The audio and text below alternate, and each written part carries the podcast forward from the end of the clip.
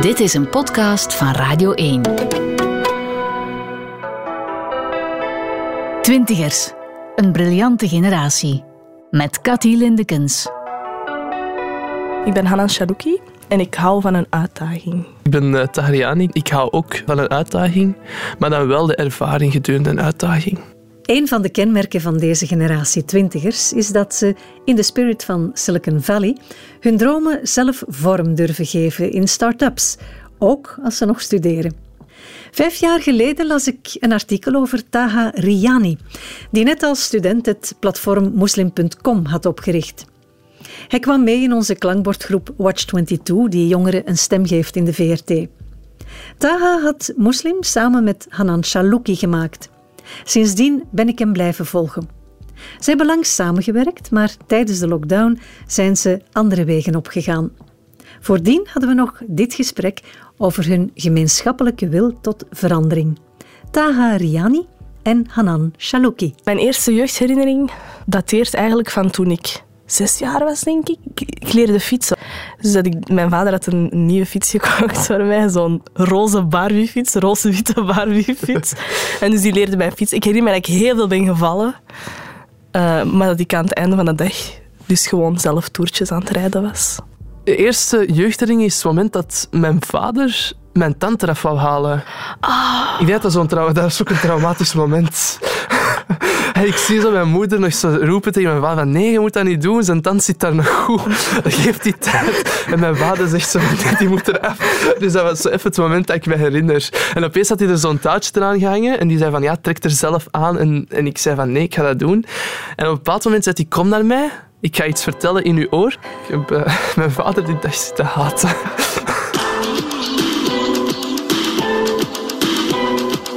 Muslim.com hebben jullie opgericht. Wat is Muslim.com? Muslim is een online platform uh, dat wij hebben opgericht met het idee om enerzijds zowel stereotype beeldvorming over moslimjongeren te gaan doorbreken, maar anderzijds ook om inspirerende verhalen de wereld in te sturen. Mm.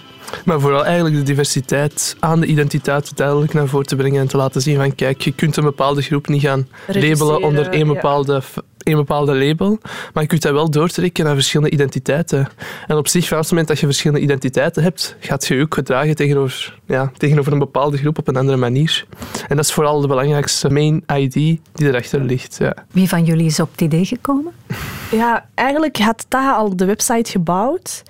Uh, en had ook wel al een idee van wat hij ermee wou doen toen ik dat heb leren kennen. En dan hebben we dat samen eigenlijk ja. verder uitgewerkt. Ja. En, en dan kwam ik uh, Hanan tegen. Om, en dan dacht ik van, ola, we gaan samenwerken. ola. Nee, vooral... Ik had geen achtergrond in journalistiek. Um, dus voor mij was het al heel moeilijk om die stap te zetten. En uh, ja, Hanan had een enorme achtergrond in uh, journalistiek. Is overdreven. Zelfs studeerde ze communicatie. dus het was heel gemakkelijk om die stap te zetten. Hè. Ik was ja. toen veel bezig met media op zich. Ja. Allee, ik heb daar altijd al wel interesse in gehad. Dat is ook een van de redenen waarom ik communicatie ben gaan studeren. En ja, dat was een goede match, want Taha is zo meer digitaal gericht. Dus hij kent de website, et cetera. Dat was allemaal al zijn ding. En dan inhoudelijk meer van, oké, okay, wat gaan we ermee doen? Welke visie gaan we verkopen? Dat hebben we ook wel deels samen uitgewerkt. Mm. Maar daar was ik dan een beetje een meerwaarde in, denk ik. Hoe lang kennen jullie elkaar?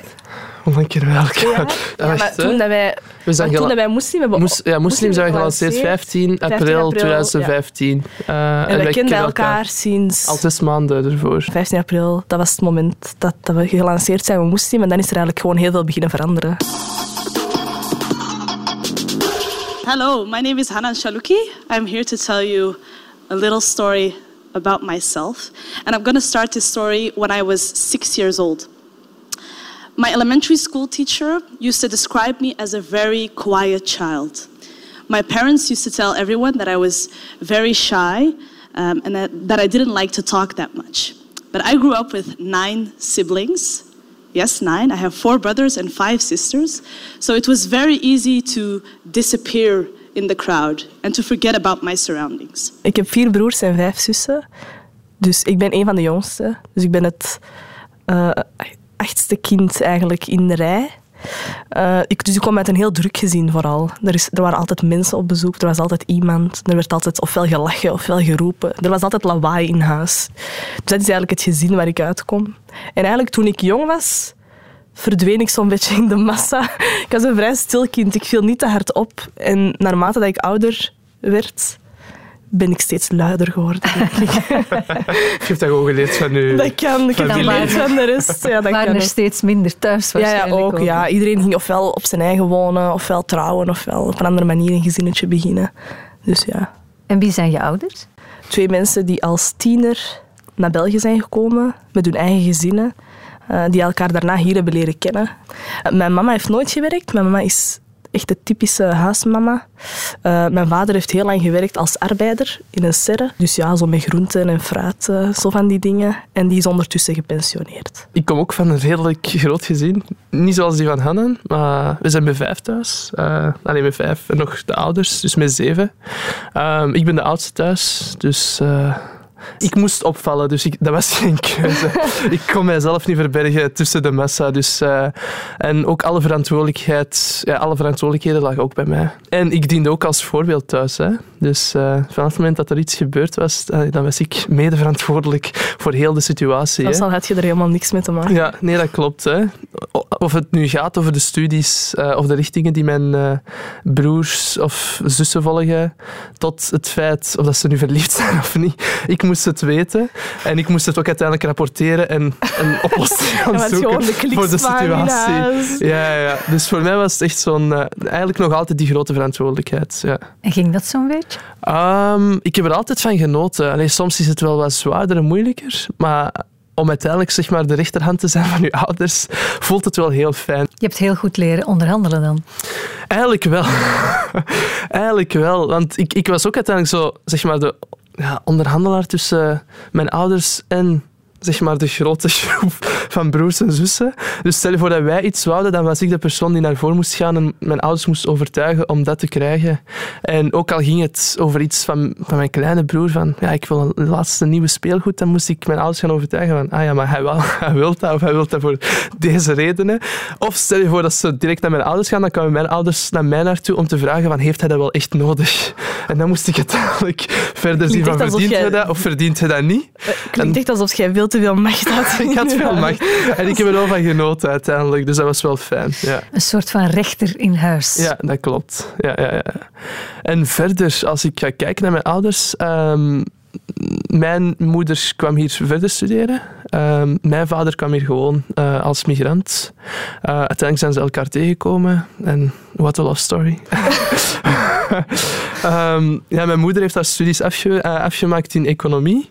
Maar ze heeft er zelf niks mee gedaan. Want eh, ja, als, ja, de volgende stap is waarschijnlijk in de bankensector gaan werken. Maar dat heeft haar niet overtuigd. Ik heb haar vaak gezegd van waarom heb je dan die richting gekozen? Uh, uiteindelijk zei ze van ja, ik heb een foute keuze gemaakt door een vriendin te volgen die die keuze heeft gemaakt. Dus jij moet die keuze ook nooit maken in het leven. Dus ik heb dat gezien als een levensles. Ehm, en op zich, hoe dat zij, vooral als ik terugkijk naar haar, zij was meer de persoon die graag anderen ging helpen. Dus heel haar leven heeft ze gespendeerd in zeg maar, vrijwilligerswerk en eh, ja, eigenlijk anderen helpen. Ja. Waar economie soms ook Waar economie een belangrijke rol kan spelen. en zij is ook zeg maar het hoofd thuis. Hè. Alles wat economisch en alle geldzaken moeten langs haar Dat is gaan. bijna altijd de moeder. Ja, en altijd de moeder, die- Ja. En je papa? En mijn papa heeft gewoon, eh, is gestopt met studeren op jonge leeftijd eh, en is gewoon arbeiderswerk gaan doen. Ehm, en heeft zich opgewerkt tot, denk ik, eh, loodgieter of iets dergelijks. Jij weet dat zelfs weet niet. dat niet. hij, zegt maar, hij zegt altijd klusjesman, dus ik heb altijd, ik heb dat altijd zo opgenomen. Jij hebt er een loodgieter van Ik, heb- ik stel ook altijd de vraag, heb je spijt omdat je, ja, dat je bent gestopt met studeren? En daarin begint hij dan heel emotioneel te worden. En dan stop ik met zulke vragen te stellen. Twintigers. Een briljante generatie. Wat soort opvoeding hebben jullie gekregen? Ik ik denk bij mij vooral een psychologische opvoeding. In de zin van, ja, ik zou niet zeggen psychologische marteling, maar zaten er wel zo psychologische zaken erin waarvan je... Ja, het moment dat je zo ouder bent, dat je er terug naar kijkt en denkt van wauw, mijn ouders hebben mij psychologisch een klein beetje kunnen martelen.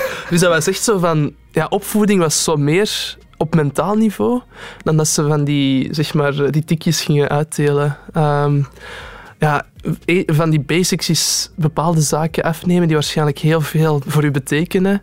En op die manier u gaan martelen tot uh, ja, bepaalde situaties dat ze aangeven dat je die verantwoordelijkheid hebt gekregen, maar dat je die niet verdient. Dus dat kan soms heel psychologisch gaan tot een bepaald punt. Dat je, ja, ik ga eerlijk zijn, ik vind psychologische uh, spelletjes, ja, spelletjes of een straf Psychologische dan, oorlogsvoering. Ja, ja, erger dan gewoon echt een uh, fysieke tik dat je krijgt. Hè. Ja. Soms kan dat echt een enorme invloed hebben. En dat heeft ook eh, een grote invloed op je, op, op je toekomst meestal. Want je neemt bepaalde factoren mee. Ja, in welke zin? Um, ik ga eerlijk zijn, vooral dat verantwoordelijkheidsgevoel werd vaak bij mijn ouders gebruikt als een... Uh, dat werd zowel als iets positiefs gebruikt, maar ook als een straf. Um, als de eindverantwoordelijkheid altijd bij u ligt, ja, dan moet je ook verwachten dat als je niet voldoet aan de eindverantwoordelijkheid, dat je ook gestraft wordt. En uh, dus zo, vooral die druk en die pressure altijd, dat voelde soms heel, heel hard. dus ja, dat was, soms was het echt niet fijn. Ja, ja. ja en wat neem je daar dan van mee? Um, ik heb altijd zo... Ik ben heel hard, zou ik zeggen. Zo. Dat gevoel, ook tegenover andere, andere mensen, medemens, ben ik altijd wel iemand die hoge verwachtingen heeft en soms ook heel hard naar voren zou komen. Met, met een positieve intentie, maar soms komt dat heel negatief over. En soms komt dat heel psychologisch ja, pijnlijk of kwetsbaar over. Dat ik, dus, dat ik dat zelf niet zo bekijk, maar dat ik denk van, ah, dat is, het, dat is hoe dat het moet zijn. Terwijl dat het op een andere manier kan zijn. Mijn opvoeding was eigenlijk heel complex. In de zin dat ik niet enkel door mijn ouders werd opgevoed, maar omdat ik ook zoveel oudere broers en zussen had, dat ik eigenlijk een beetje door iedereen werd opgevoed. Die hadden de verantwoordelijkheid gekregen. Ja, voilà. Dus bijvoorbeeld als ik, als ik denk aan hoe mijn ouders mij hebben opgevoed, dan ik werd heel hard verwend eigenlijk. Dus ja, ik was zo, tot aan mijn jongere zusje geboren werd, ik was heel lang het kleinste meisje. Hè. Dus ik kreeg alle Barbies, ik kreeg een Barbie-kasteel, ik kreeg roze speelgoedauto's. Dus ik werd echt heel hard verwend als kind. En ik weet, ik herinner mij wel nog dat mijn oudere zus of mijn oudere broer zo heel vaak dachten van zeg, dat kleine rotjongen, krijgt hier zoveel. Wij kregen dat allemaal niet zo in onze tijd. Dus ik werd eigenlijk wel heel hard verwend, maar als ik mijn ouders mag geloven, ik was ook wel een heel braaf kind. Ik was niet rebels of ik deed niet moeilijk. op, dat moment, op dat moment niet. dus ik was een heel gemakkelijk kind. En als het ging over zo echt opvoedkundige als het gaat over bijvoorbeeld ja, huiswerk maken, zo van die zaken, daar waren mijn ouders veel minder mee bezig, maar veel meer mijn zussen en mijn broers die daarmee bezig waren. Dus eigenlijk werd de opvoeding zo'n beetje verdeeld. Ik zal het zo zeggen. Gedelegeerd. Gedelegeerd, ja, dat is zo mooi. Inderdaad, want eigenlijk vanuit mijn ouders ik herinner mij niet meer zo heel veel van echt ja, opvoedkundige zaken die ik heb meegekregen van hen, om eerlijk te zijn. Wel heel veel ja, lessen rond ethiek, zeg maar. Je mocht niet liegen, je mocht zulke zaken niet doen, et cetera. En religie heeft sowieso ook wel een rol gespeeld in onze opvoeding, aangezien dat, dat ook wel deels is waar dat heel veel van onze waarden op gebaseerd zijn. Maar als het echt zo ging over ja, de kleine dingen, dan moest ik eerder luisteren naar mijn zussen dan naar mijn ouders. Mijn ouders waren eigenlijk gewoon zo suikertante en suikeroom. Was er een verschil in opvoeding tussen de jongens en de meisjes bij jullie thuis? Ja, sowieso wel, maar niet essentieel. In de zin, als ik denk aan hoe dat de jongens versus de meisjes worden opgevoed, jongens krijgen meer zo dat hele idee van je moet verantwoordelijkheid dragen over het gezin. Uh, je moet, zo dat, verantwoordelijkheids, dat verantwoordelijkheidsgevoel waar Taha ook over spreekt, dat zag ik wel vaker terug bij de jongens dan bij de meisjes. Dus dat wel. Maar in, in de praktijk kwam het altijd op hetzelfde neer. Dus als, als het ging over bijvoorbeeld laat thuiskomen of zo, het is niet zo dat de ene veel later moet buiten blijven dan de andere. Dat was bij ons echt niet het geval. Iedereen had een avondklok. dus in de praktijk zag je daar niet veel van. Maar ik denk zo in de, in zo de details die doorcijpelen, dat je wel merkt dat er, dat er bij mannen toch wel bepaalde verwachtingen waren die er bij vrouwen niet waren. Mm. En omgekeerd misschien ook. Mm natuurlijk gaan ze niet op dezelfde manier spreken tegen iemand die ouder, tegen mijn oudste broer versus tegenover mijn jongste. Mijn jongste broer is een verwend, alleen wordt echt doodverwend gewoon. Terwijl mijn oudste broer helemaal niet zo werd verwend, want hij was de oudste en hij moest op bepaalde zaken letten, waar mijn jongere broer nu veel gemakkelijker mee weggeraakt. Maar daar zit ook uh, bijna een generatie tussen, tussen de oudste en de jongste. Dan zit je ook in een, in een ander In een andere samenleving gewoon. Ja, want heel vaak merk ik ik zeg nu maar iets, als mijn zusje een nieuwe iPad krijgt, dan kan mijn oude broer, mijn oude zus wel eens zeggen van, amai, zeg, zo'n duur speelgoed. En eh, wij moesten daar vroeger niet mee afkomen. Maar de tijden zijn ook gewoon veranderd. Hè. Toen dat zij kind waren, was een computer iets wat dat bijna niemand in huis had, bij wijze van spreken. Terwijl dat, dat nu een standaard toestel is in elk gezin. Dus ze vinden het soms een beetje oneerlijk, maar als je het gewoon puur bekijkt vanuit ja, hoe wij vandaag in de samenleving staan, is er gewoon, van de ja, er is gewoon enorm veel veranderd. Dus ik denk niet dat je daar veel tegen kan inbrengen. Ja. Dat bedoel ik, ik kreeg heel veel poppen, maar als ik nu een pop ga geven aan mijn jongste nichtje bijvoorbeeld, gaat ze zeggen, ja, wat geef je mij, geef je mij een pop? Ik wil een nieuwe smartphone. het, ja. Want ik heb ook een klein broertje en ik zie dat ook zo in verschil met wat hij krijgt en wat wij kregen vroeger. Dat is ook wel heel extreem in de zin van, oh, ja, die heeft een smartphone, die heeft een iPad, die heeft alle elektronische zaken. Onlangs nog een Playstation gekregen, dat ik denk van, ah, oei. En ook vanuit mijn kant, ik verwen die ook. Ik heb ook onlangs voor hem een Nintendo gekocht en dan denk ik van, ja, enkele jaren geleden konden wij dat zelf niet Ja. konden wij zelfs niet echt veroorloven om, om te verwachten van onze ouders dat wij zulke dure speelgoed gingen krijgen. Wij keken enkel naar tv op Nickelodeon en keken we dachten, ah, kon ik dat maar krijgen? Of kon ik dat maar hebben? Maar dat was het niet, dat was het niet. Dus die tijden, is- die tijden zijn ook enorm veranderd. En Het is ook zo dat ouders ook ouder worden Ja, en, ja. en in een andere economische Ja. Nee, dat situatie klopt. terechtkomen. Tuurlijk, ja, Ja, ja, ja. natuurlijk. Als Ja. ik denk aan hoe dat mijn ouders hier pas waren, als zij erover vertellen, dat was economisch een heel andere situatie. Het was veel moeilijker om rond te komen dan op dit moment, wanneer dat ze al all heel hun leven gewerkt hebben en toch al iets hebben opgebouwd. Dus Ja, ik denk dat dat niet meer dan logisch is. Ook dat je er, dat dit, het goede is natuurlijk, de kinderen van deze samenleving kunnen daar de vruchten van plukken. Degenen die jong waren in een andere tijd, ja, iets minder natuurlijk. Maar ik zal ook dan eerlijk zijn, wij hebben er ook de vruchten op een andere manier eh, aan geplukt. Eh, ik denk ook zoals ik ga kijken, de ouders gaven ons ook meer, ja, vanuit mijn kant, want ik was de oudste. Ehm, vooral ook het feit dat ik een strenge opvoeding heb gekregen.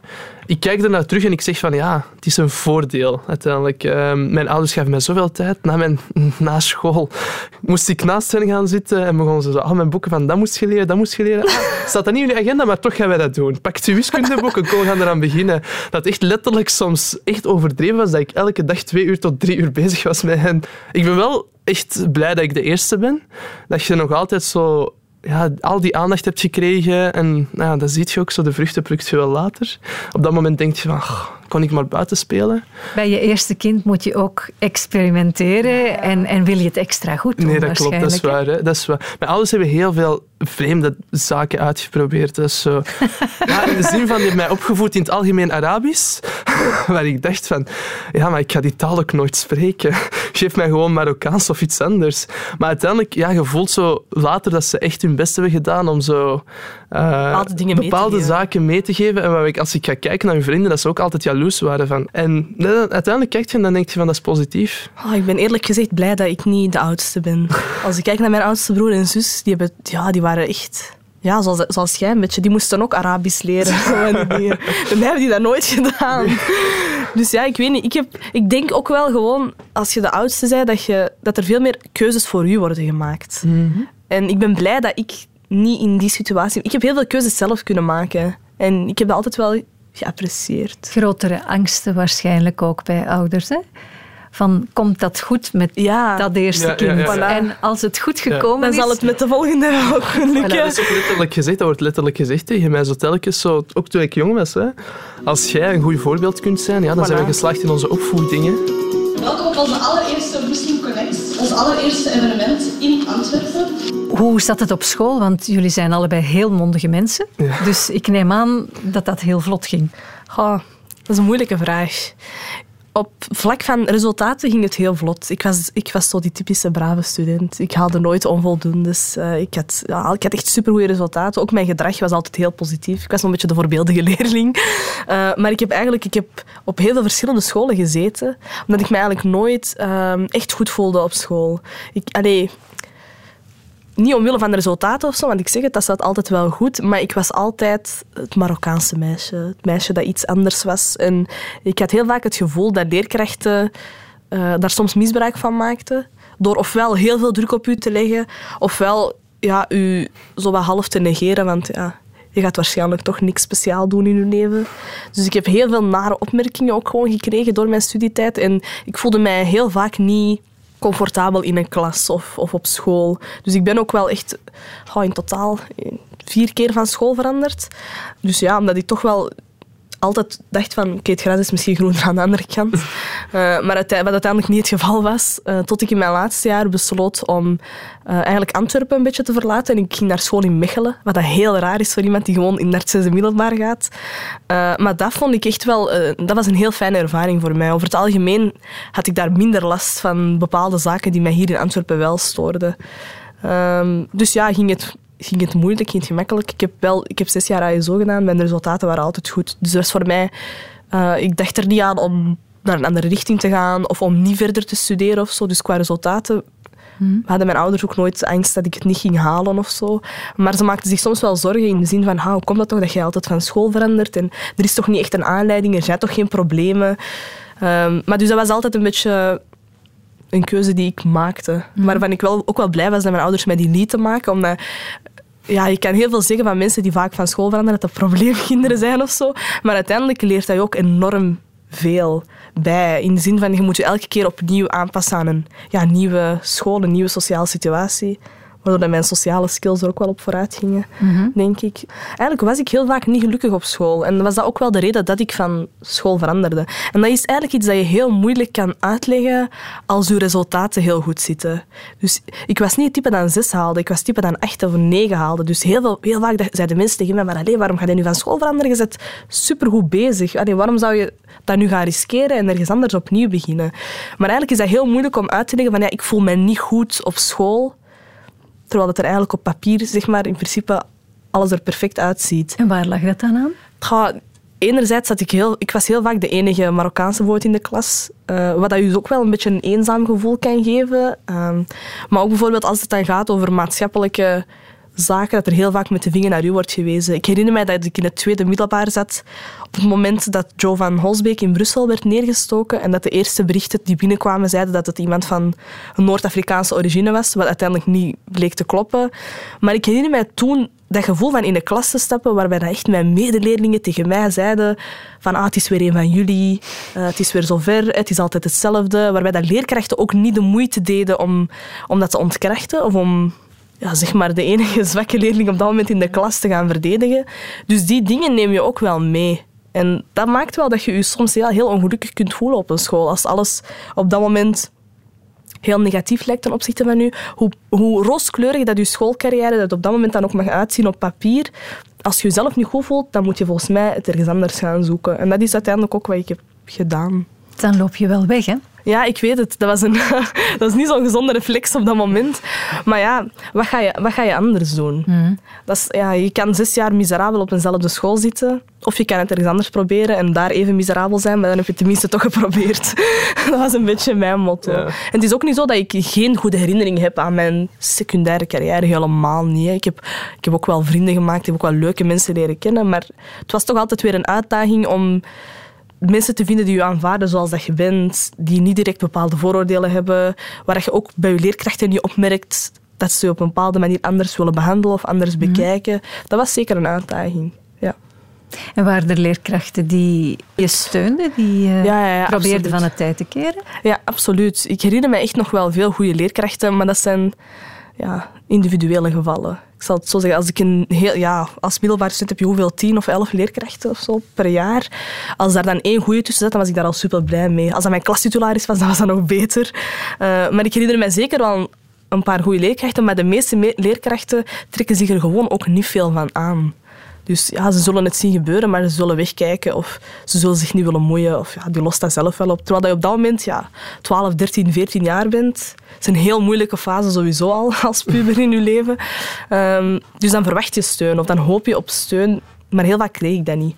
Maar het is wel zeker zo dat die goede leerkrachten, die, ja, er zijn leerkrachten die ik me herinner, die ik nooit ga vergeten. Er was een onderdirectrice die ondertussen overleden is, waar ik zoveel goede herinneringen aan heb, omdat die mij gewoon ja, constant, ik kon daar altijd bij terecht. Als ik vragen had, als ik, als ik iets wou vertellen, als ik het moeilijk had, dan stond haar deur altijd open. Ik heb die op de laatste schooldag ook nog een doos praline gaan brengen. En dat was echt een schat van een vrouw. En dat was een een persoon die in onderwijs stond en ook werkelijk betrokken was. Die ook echt, het interesseerde haar wat haar leerlingen doormaakten en niet enkel hoeveel basis dat ze hadden op hun rapport. En dat beviel mij wel, want dan dacht ik van oké, dat zijn ook de mensen waarvan ik hoop dat die in het onderwijs gaan. En bij jou, Taha? Hoe zat het bij jou? Mijn schoolervaring, hè? Ah, ik, ik zeg dat ook al vaak. Hè? ja, in het onderwijssysteem zijn er zoveel fouten die opgelost moeten worden. En meestal kijken wij er gewoon over. Maar als ik naar mijn jeugd ga kijken, mijn lagere school was een hele ja, ik besefte niet dat discriminatie bestond en dat de wereld onrechtvaardig was. Een van de redenen was dat ik ook in een zwarte school zat. Dus iedereen die in de klas zat was zoals u. Dus je kon niet, je kon niet anders behandeld worden, want je werd uiteindelijk met dezelfde, ja, op dezelfde manier behandeld. Ik denk als ik ga kijken naar de lagere school, zaten wij daar met, van de twintig leerlingen waren er vijftien met een andere achtergrond. En dat heb ik meegemaakt tot mijn zesde leerjaar. Op dat moment uh, ik haalde altijd goede resultaten naar school. Mijn ouders zeiden van oké, omdat je goede resultaten haalt, gaan wij een moeilijke school zoeken. Een middelbare school. En daar kwamen ze uit, ja, ik wil ook geen namen noemen, maar een college in Antwerpen. Um, een hele goede school, Allee, als het gaat om, uh, om het onderwijs, om, resultaten. om de resultaten. Maar het was heel moeilijk. Um, ik, ik zeg dat ook al vaak in de fase dat je jezelf wilt gaan zoeken of wilt gaan vinden. En waar de identiteitscrisis dan extreem is, zat ik in de foute omgeving om mijzelf verder te ontplooien. Um, dus voor mij was het een hele nare ervaring. Um, ik kan ook eerlijk zijn, ik heb nooit vrienden gehad uh, in mijn uh, middelbare school. Um, en ik ben daar ook voor het eerst zeg maar, geconfronteerd met de wereld en de onrechtvaardigheid van de wereld. De eerste confrontatie was het feit, ja, het moment dat ik Latijn ging doen. Uh, mijn vorige school was volledig overtuigd dat ik dat ging halen. Mijn ouders ook. En ik was ook heel enthousiast, want wat ik ook had meegekregen van, van, vanuit thuis en vanuit de familie is ja, jij bent de eerste die uiteindelijk een hoge richting gaat doen. En ik was er enorm trots op. En de eerste confrontatie was het feit dat ik werd uitgenodigd door de directeur en dat hij letterlijk tegen mij zei van ja, mensen van uw achtergrond gaan deze richting niet halen. en ik was zo mensen van mijn achtergrond en hoe zit hij eigenlijk? En mensen van mijn achtergrond, wat bedoelt hij ermee? En ja, mijn, mijn ouders die weten al sowieso wat het, wat het is om een identiteitscrisis te hebben en vooral voor mijn leeftijd. En die kwamen mee naar de directeur en zeiden van kijk, voor ons, wij weten dat ons kind de richting gaat aankunnen. Uh, wij willen ervoor gaan. Dus ik ben eraan begonnen. Ik was altijd heel braaf, zeg maar. Uh, ik werd altijd gediscrimineerd in de klas door de leerkrachten, door medestudenten. Dat was ook de eerste keer dat ik ook de enige persoon was met een andere achtergrond. Um, dus voor mij was zo jezelf ontplooien, jezelf terugvinden, dat was een heel moeilijk proces. Mm. Ik haatte school. En vooral in die vier jaar, in die eerste vier jaar was het voor mij van taha, zwijg. Discriminatie ziet je als een uitdaging, ga verder. Als een leerkracht iets zegt, of als een leerkracht u aanspreekt op een bepaalde factor die te maken heeft met je achtergrond, ziet dat als een uitdaging, ga voort. Tot, tot het vijfde dacht ik van... Oh, ik heb een mond gekregen om mijn mening naar voren te brengen. Ik ga het aankaarten en ik ga vooral die problematiek duidelijk naar voren brengen. Ik heb het al vier jaar meegemaakt en het is genoeg. En op dat moment was ik zeg maar de krapul geworden. Niet de krapul in de zin van dat ik ook slechte punten haalde. Ik haalde nog altijd mooie punten. Maar het ging nog altijd het moment dat iemand iets ja, onrechtvaardig zei of bepaalde negatieve opmerkingen, ging ik en zei ik van mevrouw of meneer, u hebt dit en dat gezegd en dat stoort mij. Kunt u dat alsjeblieft volgende keer niet zeggen? Op een bepaald moment begon dat heel extreem te worden, want bepaalde leerkrachten abstreden dat niet. Vooral in een school waarbij discipline heel belangrijk was. Dus vooral een leerkracht gaan uh, tegenspreken en zeggen dat hij een bepaald gedrag vertoont dat ja, dat, dat, dat, niet goed is, dat was heel moeilijk. Ja, op een bepaald moment, in mijn laatste jaar, werd ik uitgenodigd door de directeur en zei hij tegen me van kijk, we weten dat je gelijk hebt, je hebt bepaalde zaken aangekaart die een probleem zijn bij ons, maar het is nu oftewel je diploma, oftewel gaan we u wegsturen. En dat was letterlijk hoe ik mijn jaar heb geëindigd. Naast het feit dat ik gigantische goede punten heb gehaald en dat ze tegen mij als advies hadden gegeven, ja, misschien moet je beter informatica gaan doen op de hogeschool in plaats van universitaire richting. Ik zei, maar kijk naar mijn punten. Je hebt andere, een ander advies gegeven aan die andere persoon. Maar ja, je weet wel, wij kennen u, wij weten wel dat uw zwaktes zijn, wat dat uw krachten zijn wij weten wel wat dat je achtergrond is.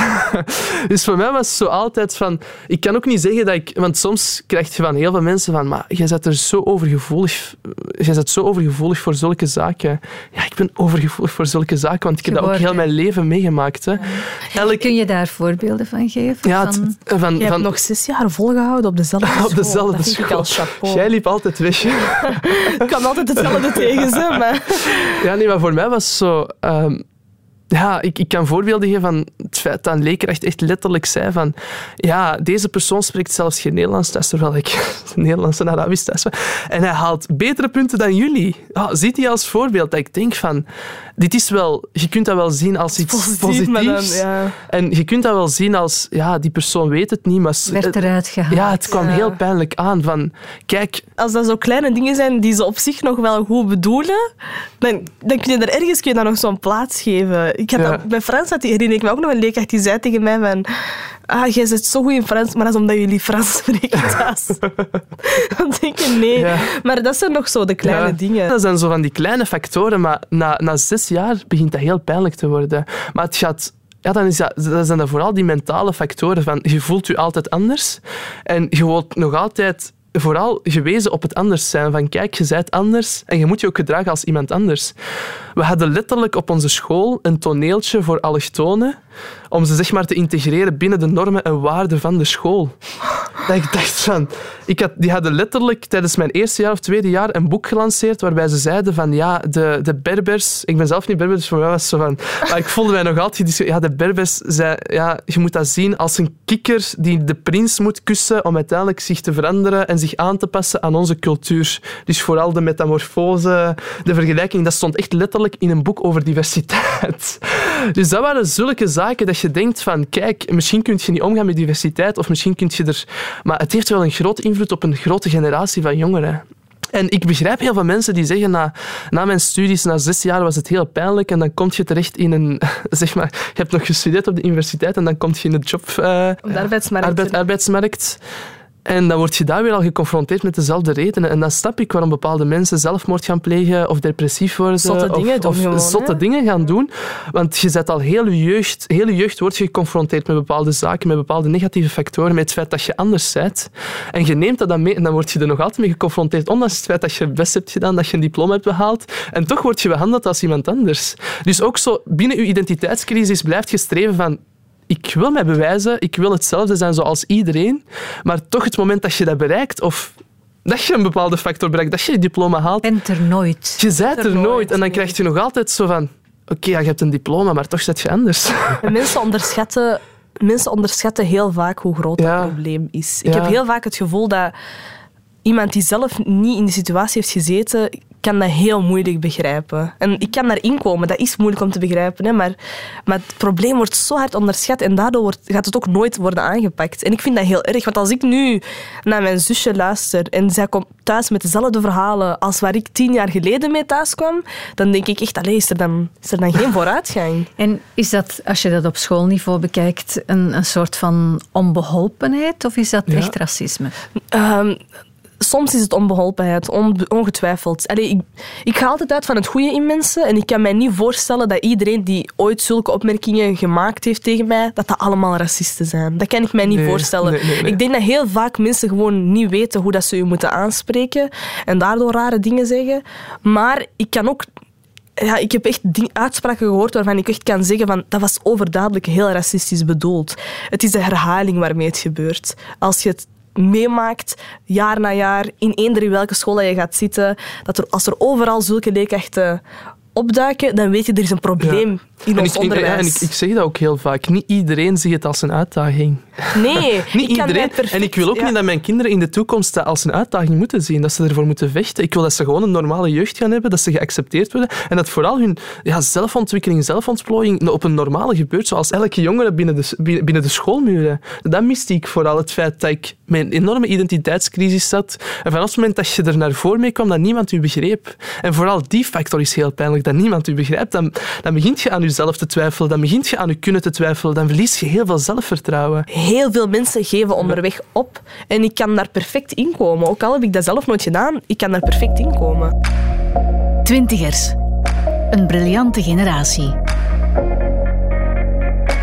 Er moeten meer manieren gecreëerd worden om mensen eerlijke kansen te geven in de samenleving. Niet alleen in het onderwijs. Onderwijs is sowieso superbelangrijk, maar even goed op de arbeidsmarkt. Er zijn zoveel mensen die willen werken, maar die niet kunnen werken omdat ze naar een sollicitatiegesprek vertrekken en daar te horen krijgen, ja, uw naam staat ons niet aan. Of de manier waarop je eruit ziet staat ons niet aan. Dat is voor mij problematisch. Onderwijs en arbeidsmarkt zijn de eerste stappen om iemand te integreren in uw samenleving. Om ervoor te zorgen dat die persoon zich goed voelt, zich kan ontwikkelen, een burger kan zijn, iets kan bijdragen, ook gewoon terug aan de samenleving. Als het daar al niet goed zit, ja, dan verklaart inderdaad heel veel problemen die wij zien. Hoe zouden jullie het veranderen? Hoe zou Als ik het een wit blad veranderen? Als ik een wit blad zou krijgen, ik zou eerst en vooral al een serieuze controle gaan doen in heel veel scholen en eens met leerlingen praten. Ik geloof dat er veel te weinig met leerlingen wordt gesproken. Ja. En ook dat de zaken die leerlingen zeggen heel vaak ehm, als minderwaardig worden beschouwd. Zo van, ja, het zijn Ja. leerlingen, hè, ze zoeken problemen. Een ander ding dat ik zelf enorm belangrijk vind, is de diversiteit in uw lerarenkorps. Het lera ik heb nooit op een school gezeten waar dat er een, een leerkracht was van een andere... Ik heb dus op verschillende scholen gezeten, maar er was nooit een leerkracht van een andere etnische origine, behalve de persoon die islam gaf. Dat was iemand met een andere etnische origine. Maar ik heb nooit een leerkracht Frans gehad, of een leerkracht Nederlands, Engels, wiskunde... Dat, dat bestond gewoon niet. Dat vind ik heel jammer, want dat zijn ook weer rolmodellen die je mist in het onderwijs. En op, op hetzelfde moment zijn dat ook... Dat kunnen echt speelfiguren zijn waar je als leerling, als je, als je problemen hebt, als je met zulke zaken zit, dat zijn mensen naar wie je kan toestappen, waarbij je het gevoel gaat hebben dat die je ook gaan begrijpen. Eén uitspraak die in het foute keelgat kan schieten, is iets wat je heel lang kunt meedragen als leerling. Als er één leerkracht is die iets tegen mij heeft gezegd, wat hij me op dat moment heeft gekwetst, dat zijn zaken die ik nu nog altijd weet. Mijn zus wou leerkracht worden, hè, maar door het feit dat ze... Ze was het eerste jaar begonnen en nadien heeft ze het tweede jaar gehoord dat ze geen leerkracht kon omdat ze een hoofddoek draagt. Dus... Dan gaat hij pas dat was- door in het dat had tweede pas- jaar. Ja, pas door in het tweede jaar. Dus dat was wel een hele pijnlijke confrontatie. Maar dat was echt haar droomjob. Je wilt ook niet toegeven op, wat dat je, op wie dat je wilt zijn. En zeker niet in je job wat dat je elke dag moet gaan uitvoeren. Ja. Dat is een Wanneer- heel, hele moeilijke, complexe discussie meestal. Ja. Wanneer ben jij een hoofddoek gaan dragen? Eh, ik was zo'n 16 jaar oud. Dat was voor mij een moment waar ik ook heel veel bezig was met zingeving. Ehm, en dan heb ik die beslissing genomen. Waar ik nog altijd geen spijt van heb. En, en waarom heb je die beslissing genomen? Ha, zoals ik zei, als, er zijn heel vaak momenten waarin dat je als persoon op zoek gaat naar zingeving. Je ook begint te verdiepen in bepaalde zaken, ook in spiritualiteit. En een hoofddoek voor dat, op dat moment en nog altijd is voor mij enerzijds symbool van die zoektocht, maar ook van heel veel waarde ik, waar ik voor sta. Ehm, als ik denk aan het feit, mijn hoofddoek is ook een dagelijkse herinnering aan het feit dat ik een moslim ben, dat er heel veel waarden zijn die ik belangrijk vind in mijn leven. Of dat nu gaat, zoals eerlijkheid, tot vriendschap, tot familie. Eh, al die zaken, dat is een daily reminder, ik zal het op die manier zeggen. En dat was een keuze die ik op dat moment heb gemaakt en waar ik nooit met spijt op heb teruggekeken. Ik vind dat heel belangrijk, want heel veel meisjes hebben achteraf wel spijt of besluiten om daarna hem niet meer te dragen, wat dat evengoed natuurlijk uw volste recht is. Eh, maar ik heb dat zelf nooit gehad, omdat ik mij wel... Ik was mij heel bewust van de keuze die ik op dat moment gemaakt heb. Er zijn veel moslimmeisjes die het niet doen, Ja. die dezelfde waarden en, Absoluut. en er zijn er die het wel doen. Wat geeft het verschil in je hoofd om het, om het wel of niet te doen? Ha, ik geloof... Ik vind, dat, ik vind dat heel belangrijk. Voor mij, of dat meisje hun hoofddoek draagt of niet, ik zou nooit van mijn leven zeggen dat is een betere moslim dan die, of omgekeerd. Dat vind ik heel belangrijk. Het is gewoon echt een persoonlijke beslissing. Het is een manier waarop dat je zelf beslist om invulling te geven aan je identiteit, aan de rol die religie speelt in je dagelijkse leven. Maar het moet wel een heel individuele beslissing blijven. Ehm, ik denk, als een meisje zich daar niet comfortabel bij voelt, dan moet ze die natuurlijk ook niet dragen. Dat maakt van haar ook geen slechtere moslim dan het meisje dat daar wel voor kiest. Ja. Het feit dat religie ook vaak wordt gezien als een gezamenlijke, gemeenschappelijke, gedefinieerde factor, waarbij je een hele samenleving gaat vastleggen en zeggen van oké, die draagt geen hoofddoek, eh, die is minder moslim dan de persoon die Ja, een hoofddoek voilà. draagt. Terwijl religie heel persoonlijk is. Hoe dat ik mijn zoektocht doe do- naar religie, hoe dat ik mijn zingeving invul, is waarschijnlijk anders dan die van Hanan. En dat is heel normaal. En dat is waarschijnlijk ook anders dan die van u. En dat is wat dat ons uniek maakt binnen de samenleving. Maar toch zijn wij altijd geneigd om een grote groep te gaan labelen. Uh, de reden waarom wij moslim hadden opgericht. Vet, kijk hoe uniek, kijk hoe divers een bepaalde groep kan zijn. Maar je kunt ook niet gaan meten hoe religieus dat iemand is, of hoe moslim, moslim dat iemand is, of Ja. hoe christen dat iemand is, of hoe atheïstisch Er is dat geen iemand schaal is. of zo. Er is Heel veel geen mensen schaal. denken dat, Ja. maar er is geen Maar schaal. toch, als iemand zegt op een bepaald moment moment beslist om een hoofddoek te dragen of iets dergelijks, of zeg maar gewoon een vriendschapsbandje aan te doen, dat is de keuze van die persoon. En wij respecteren dat niet. Wij zien dat nog altijd, oké, dat is die keuze, dat is zijn keuze, maar ik wil nog altijd uh, inspraak hebben over de keuze van die persoon. Dat is, ja, ik snap het ook niet. En dat is ook wat er verkeerd loopt in onze samenleving. We zijn graag wij houden ervan om te labelen. En het debat gaat ook altijd over bepaalde mensen die iets willen beslissen voor andere, andere mensen. mensen. En of dat nu gaat over hoofddoeken of over minirokjes, ik ben daar zo tegen. Ik vind het, het laatste wat dat mensen moeten doen is bepalen hoe een ander zich moet kleden, hoe dat een ander er moet gaan uitzien. Dat, dat is wat mij enorm stoort altijd. Ja, ja, ja. Now, I'd done my research and I learned that in the United States, there had never been a woman who wore the hijab who is a reporter on a commercial television market. So I was determined to make that happen. En zo komen we bij Moslim. Dat is uh, jullie gezamenlijk project Ja. dat jullie bij elkaar gebracht heeft hè, aan de universiteit. Ja. Dat is ook vooral vertrokken vanuit de frustratie tegenover de samenleving. Hè? Van het gevoel hebben... De meeste mensen hebben het gevoel dat ze niks kunnen veranderen. Um, Ja, en wij hadden zoiets van, wij kunnen we wel iets veranderen. it. En, wij we gaan dat gewoon ervoor. doen. Ja. Waarom moeten we wachten tot iemand anders ermee komt? Voilà. En voor ons was het ook zo, met kleine zaken kun je veel veranderen. En een van die kleine echt- ja. zaken was echt zo de verhalen gaan brengen van wat denken wij? Waar ligt die diversiteit? Hé, stop met labelen. Kijk, er is zo'n diverse groep van mensen die op een, allemaal op een diverse andere manier denken. Haal het naar voren en geef ze een platform, want zo'n platform ook bestaat die, vandaag die positieve verhalen, Mhm. die misten wij zo hard in onze mainstream media. En moslim is in het Engels, dat is ook heel bewust gedaan. Dus ook omdat wij het probleem niet enkel zagen op Belgisch niveau, maar ook Mhm. op internationaal niveau. Dat wij echt dachten van, er moet toch iets anders zijn. Er moet, we moeten toch iets anders kunnen doen. This current reality makes me even more determined to work for a world where we don't look at things like religion, gender, or any form of difference for that matter.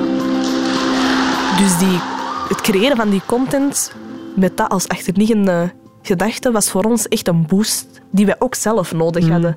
Omdat we ook zelf het gevoel hadden van oké, we zijn iets aan het veranderen, we kunnen iets veranderen. En nog altijd, als ik zie dat bijvoorbeeld een artikel op Muslim viraal gaat eh, en paar honderdduizend shares heeft en als het daarna ook nog wordt opgepikt door een, een Elle-magazine of een The Guardian, dan ben ik super trots. Niet per se omdat dat zoveel keer gelezen is, maar omdat je dan ook beseft van oké, wij kunnen ja, iets veranderen. Een wij kunnen ook uitoefenen een invloed op een bepaald discours Ja, dat voilà. heel, heel, gesloten leek Ja. voor heel veel mensen. Iedereen zegt, ja, de media kun je niet gaan beïnvloeden. De media kun je niet gaan veranderen. Ja, en dat was ook ofwel- het- ja. Want, dan- want dan kom je gewoon terecht in hun discours. Ja, Je wordt gewoon een deel van mainstream. Terwijl dat wij er echt zwaar enorm invloed hebben uitgeoefend. Soms beseffen wij zelf niet wat, wat voor invloed dat wij hebben dagelijks op de media en Ik was, vooral onlangs, online. ik was onlangs onze cijfers aan het bekijken en eh, er is zo'n bepaald deel in Analytics dat je kunt zien wie dat er allemaal naar moslim verwijst. En ik zag de mediakanaal daartussen staan en ik zag al die Amerikaanse kranten, Engelse media en ik dacht echt, oh mij. Geef eens wat cijfers. Wie bereiken jullie allemaal Oh, in de wereld? Wij, wij zitten, ja, soms beseffen wij dat niet, maar we zitten echt aan miljoenen per maand. Eh, Dat is een En gigantisch... via, waar wij- en via ja. sociale media echt miljoenen per week gewoon. Ja, ja, 15 ja, ja. tot 30 En, miljoen ja, we mensen per zitten week. ook zo... 30% komt vanuit Amerika, waarbij je kunt Ja. zeggen, we zijn een internationaal medium. Ja, iets meer ondertussen. Iets meer, Tussen ja. 35 Ja, ja, en ja. 40 procent. En het andere, andere gedeelte komt. komt verspreid over de wereld. Dus we hebben wel degelijk elk kantje van de wereld bereikt. Soms lig ik in mijn bed en begin er zo over na te denken. Gewoon zo over de En dan kun je dat kleine dingen. En dan voelt je zo de gelukzalig, zo'n gelukzalig gevoel in jezelf van... Het Ja. lukt soms. Ja, het lukt. Met bepaalde kleine dingetjes kun je veel veranderen. Twee jonge mensen uit Antwerpen. Uit Antwerpen. Het is ook heel snel gegaan. Hè? Heel Ja, snel, het is echt ja. heel... Voordat we het wisten, we waren gelanceerd. Voordat we het wisten, begon de content viraal te gaan. Begonnen er superveel mensen onze Facebookpagina te liken. Kregen wij telefoon van de BBC. Ik ga er nooit vergeten dat ik om zeven uur 's morgens moest opstaan voor BBC World Radio. Dat was allemaal zo surreëel. Ehm, en, en het is heel klein begonnen als je eraan denkt. Hè. Het begint van het bepaalde frustraties, van het idee van oké, we willen iets veranderen, we willen iets positiefs gaan doen. En wat ik nog altijd heel fijn vind, is gewoon dagelijks mails die wij krijgen. Mensen die, daar, Positief, mensen die ja. gewoon op ons Ja. afstappen en zeggen van hey, wat dat jullie hebben gedaan is echt super en ik lees en ik vind het heel tof. En dat zijn echt de, de woorden die je dag kunnen maken volledig. Nee, dat klopt. Wat is het geheim achter moslim? Wij zijn het geheim. Nee, dat is waar. Soms kun je dat gaan... Maar soms speelt de persoonlijkheid of de mensen die achter, achter een bepaald project een belangrijke rol. Hè. Dus dat zijn ook al de mensen die uiteindelijk hebben gewerkt aan Muslim, die, ja, absoluut. die het product hebben gemaakt. Hè. En ik denk, als je echt zegt het geheim achter een moslim, eh, we hebben ingespeeld op een nood die heel aanwezig was in de samenleving. En wij hadden die nood al, maar ik denk dat wij op dat moment zelf nog niet beseften hoe, Hoe groot, groot, dat die ja. was in in, binnen onze samenleving. En dan hadden we zoiets van, hé, maar wij zijn niet de enigen die daar zo over Ja, denken. ik zo, ja. Dus ik denk als we het echt hebben over het geheim achter moslim, dat het vooral gaat over het feit dat we hebben ingespeeld op iets waar dat iedereen op aan het Ja. wachten was. En dat positief is. En dat positief En dat is. vooral positief is. En, Voilà. en dat heeft ons ook een boost gegeven. Mooie verhalen? Ja, Ja. mooie verhalen. Dat heeft ons ook uiteindelijk een boost gegeven om verder te gaan dan enkel, enkel Ja, want dat zorgt er ook wel voor dat je blijft doorzetten. Ja, ja, ja. Het idee van, oké, we kunnen iets veranderen, we kunnen iets doen wat een impact kan uitoefenen, dat geeft u zo'n enorme boost. En dat is verslavend. Ja, echt wel. Dat is een verslavend na een tijdje. Twintigers. Een briljante generatie. Met Cathy Lindekens.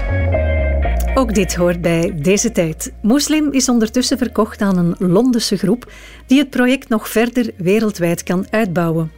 Taha en Hanan concentreerden zich op een ander project, het communicatiebedrijf Aliens, dat ze ook samen hebben opgericht. En dat in dezelfde lijn van denken lag. Na een jaar moslim werden wij vaak uitgenodigd bedrijven en ja, vooral ook de VRT van ja, vertel ons nu eens jullie verhaal. En vanaf het moment dat we ons verhaal hadden verteld, waren ze allemaal wel geïnspireerd door het verhaal. Maar wat wij hebben opgemerkt is het feit, je hebt inspiratie, maar je hebt ook het toepassen. en daar lag het een klein beetje wat moeilijker. Op dat moment beseften we van, kijk, we hebben een sterke invloed uitgeoefend via moslim. Misschien moeten wij eens invloed proberen uit te oefenen in, ja, In in, in, de locatie, in de omgeving waar wij wonen. En daar zijn we dan gelanceerd met Aliens, eh, het communicatiebureau. My name is uh, Tahariani. Uh, I am the founder and managing partner of a small communication agency based in Antwerp. We are specialized in inclusive communications. And I would say we are the only ones who are active when it comes to inclusive communications in Benelux. Het is vertrokken vanuit moslim, maar uiteindelijk is dat gedefinieerd naar een volledige samenleving. Het gaat nog altijd over die identiteit. En hoe kun je ervoor zorgen dat iedereen zich terugvindt binnen de samenleving? En wij hebben dat ook uiteindelijk geïntegreerd, vooral in de communicatiewereld. Van oké, zorg ervoor dat je iedereen kunt bereiken binnen de samenleving, want iedereen heeft, eh, moet, ja, moet uiteindelijk gelijk bereikt worden. En Iedereen, wil zich om- herkennen. ja, iedereen wil zich herkennen in beeldvorming. Iedereen wil zich herkennen in bepaalde posities. Iedereen wil rolmodellen terugvinden. Dat zijn allemaal ideeën die wij echt naar voren proberen te brengen.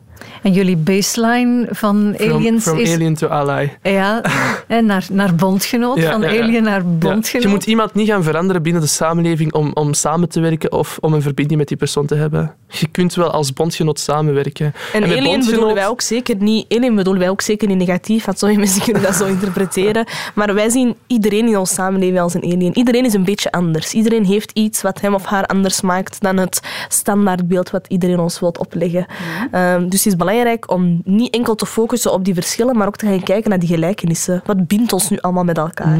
Ehm, en dat, zijn eigenlijk, dat is een beetje de filosofie achter aliens, aliens, en ja. de manier waarop dat wij werken Ja, om inderdaad van ja, vooral gaan zoeken naar gelijkenissen. Hè? Want we hebben gekeken naar bijvoorbeeld communicatiestrategieën, naar een beleid, Beleidsplannen. beleidsplannen, Die allemaal gebaseerd komt, zijn vooral op, gebaseerd eh, worden op verschillen. Van, ah, die is anders, die is anders, die is anders en die is anders. We gaan zowel verschillende kanalen opstellen en dan bereiken wij iedereen. Terwijl dat je ook kunt zeggen van, kijk, stop met die segregatie ook in de communicatiewereld en trek dat door en zoek naar die gelijkenis, zodat je uiteindelijk iedereen gaat bereiken. We gaan ook eerlijk zijn, we hebben nooit heel hard zitten prospecteren. prospecteren of zo. We hebben gewoon die hebben klanten. We hebben altijd geluk gehad om klanten te hebben. En dat is heel positief. En dan denk ik vooral omdat er nood is aan die filosofie. Zoals wij Moslim hadden gelanceerd en dat ging viraal en iedereen wou het. Het is hetzelfde met die communicatiewereld. Dat maakt me ook wel hoopvol, want ik ben wel blij dat er zoveel bedrijven, zoveel overheidsdiensten zijn die daarmee bezig zijn, die daar even goed van wakker liggen en denken, Mm. Ja. oké, hoe kunnen wij nu inclusief te werk gaan en wat hebben wij daarvoor nodig? Ja. Eh, dat stemt mij ook wel hoopvol voor de toekomst, omdat ik dan denk, oké, we zijn niet de enige. Ja, alles is mogelijk en dat gevoel hebben wij nooit gehad in onze jeugd. Alleen dus in het feit bijvoorbeeld op school en al. Ja, Maar nu, dat zijn we wij echt zelf bezig grenzen zijn- aan het verleggen. Ja, ja, zo vooral ja, die grenzen verleggen. Ik denk dat ook die energie die wij daar hadden, of die wij niet konden gebruiken, dat wij nu aan het inzetten zijn in Ja, onze... absoluut. Je hebt Dat- die opgespaard. Ja, nee, dat klopt. Dat klopt. Twintigers. Sinds vorige zomer gaan Hanan en Taha elk hun weg. Taha bouwt Aliens verder uit. Hanan maakte andere dromen waar en doseert nu aan de Odyssee Hogeschool. Als experte inclusieve communicatie heeft ze ook een eigen podcast. Welkom bij Wat Zij Wil, de podcast voor vrouwen met een doel voor ogen. In deze podcast hoor je vrouwen die alles geven om te geraken waar ze willen. Ze delen hun grootste successen, maar ook hun dagelijkse uitdagingen en hoe ze met beide omgaan. Uw host is Hanan Shalouki, creatieve ondernemer en expert inclusieve communicatie. Met deze podcast wil ze vrouwen helpen om hun doelen te bereiken. Een podcast in een podcast.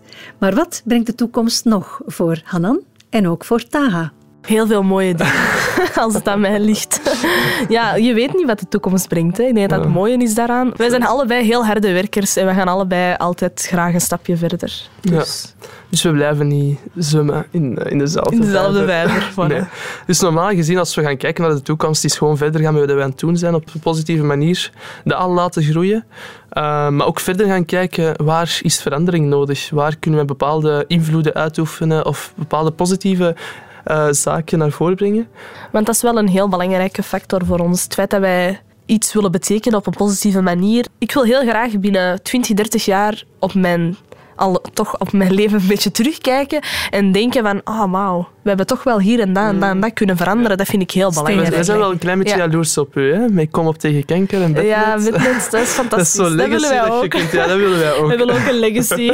ja. Nee, ik denk dat dat heel belangrijk is om, om ook een beetje om ook ja, iets achter te laten wat dat ja. een positieve invloed heeft gehad. Niet enkel voor jezelf, maar ook voor anderen. Ja, ja, ja. Ik denk dat het de, een beetje de, de, verantwoordelijkheid is van elke generatie om ervoor te zorgen dat de volgende het beter doet. Als je kinderen hebt, dat ze ook gaan terugkijken en zeggen van kijk, de samenleving is beter geworden ja, enkele jaren geleden. Ik wil dat mijn kinderen later kunnen zeggen. Kijk eens wat mama allemaal gedaan heeft.